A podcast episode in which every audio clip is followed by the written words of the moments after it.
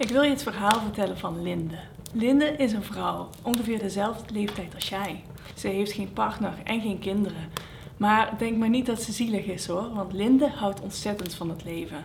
Vooral in de zomer, dan is ze helemaal in haar element. Ze geeft feestjes waar ze zingt en ze maakt muziek en ze nodigt al haar vrienden uit om het eten te delen wat ze heeft gemaakt. Ze is omgeven met de mensen van wie ze houdt. Kortom, er is geen reden om niet gelukkig te zijn. Maar zoals dat gaat met geluk, verandert het soms ook.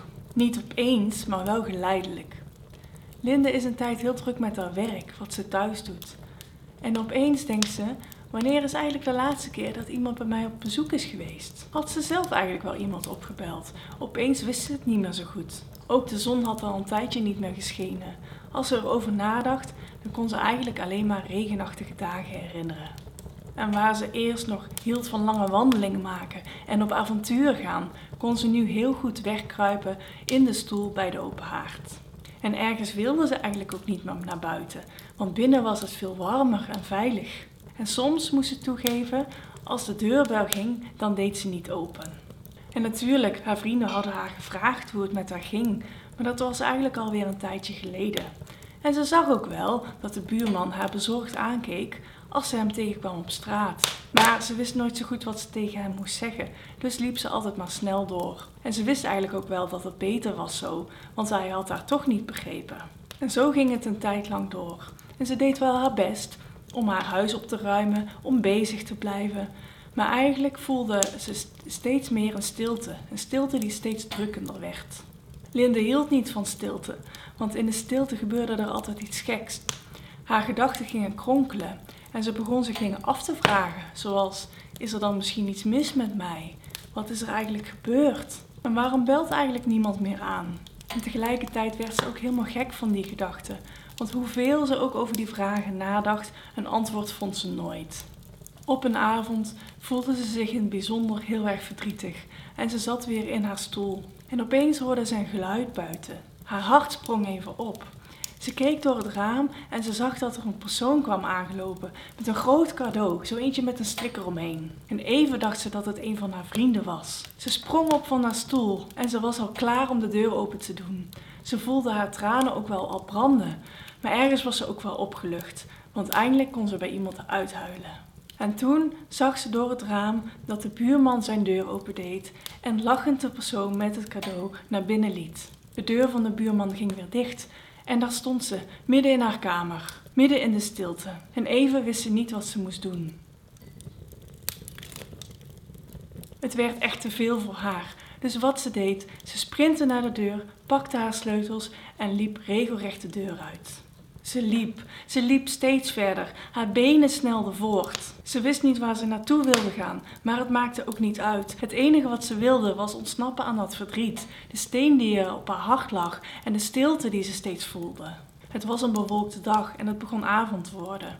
De zon was niet te bekennen, maar Linde merkte het niet op. Misschien ook omdat ze eigenlijk niet meer wist hoe het was als de zon zou schijnen. Ze liep en liep tot ze niemand meer tegenkwam, alleen nog maar bomen die even roerloos stonden als altijd. Ze liep en plotsklaps stond ze stil. Ze bleek te staan voor een grote boom met kronkelende takken. En iets in die boom had haar aandacht gevraagd. Ze kon niet vertellen of die boom nu dood was of niet. En ergens herkende ze zichzelf al ook erin, niet wetend of ze dood was of niet. Kronkelend, net als al haar gedachten. Ze bleef staan en ergens hoopte ze dat deze boom een antwoord voor haar zou, hebben. Ook al wist ze dat bomen niet konden praten, misschien zou er toch nu een antwoord komen. Ze luisterde, maar het bleef stil. En toen brak Linde. Ze kon niet meer. Waar bleven de antwoorden? Was er dan helemaal niemand op haar op te vangen? Ze schreeuwde om de stilte te vullen.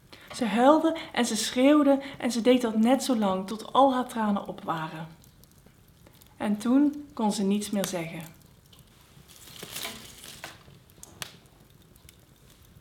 Terwijl ze daar zo stond, werden haar voeten steeds kouder. En het enige wat ze nog hoorde was haar eigen ademhaling. Een ademhaling in en een ademhaling uit. Gek genoeg werd ze er rustig van. En toen hoorde ze nog een ander geluid. Een geluid zo zacht dat het bijna niet hoorbaar was voor degene die niet luistert. Linde keek naar boven en ze zag duizenden witte vlokjes naar beneden dwarrelen. Ze landden op haar gezicht en ze smolten op haar wangen. Het duurde niet lang meer en ze was omgeven door een witte laag. En de kronkelende grote boom voor haar leek wel een poort naar een andere wereld. Zo magisch was het. En zo rustig had ze zich in al tijden niet meer gevoeld. Ze wist niet precies hoe lang ze was blijven staan. Haar handen en voeten voelden inmiddels als klompjes, maar ze bleef nog een tijd staan en toen voelde ze dat het genoeg was het geweest. Ze zei de boom gedag en keerde terug.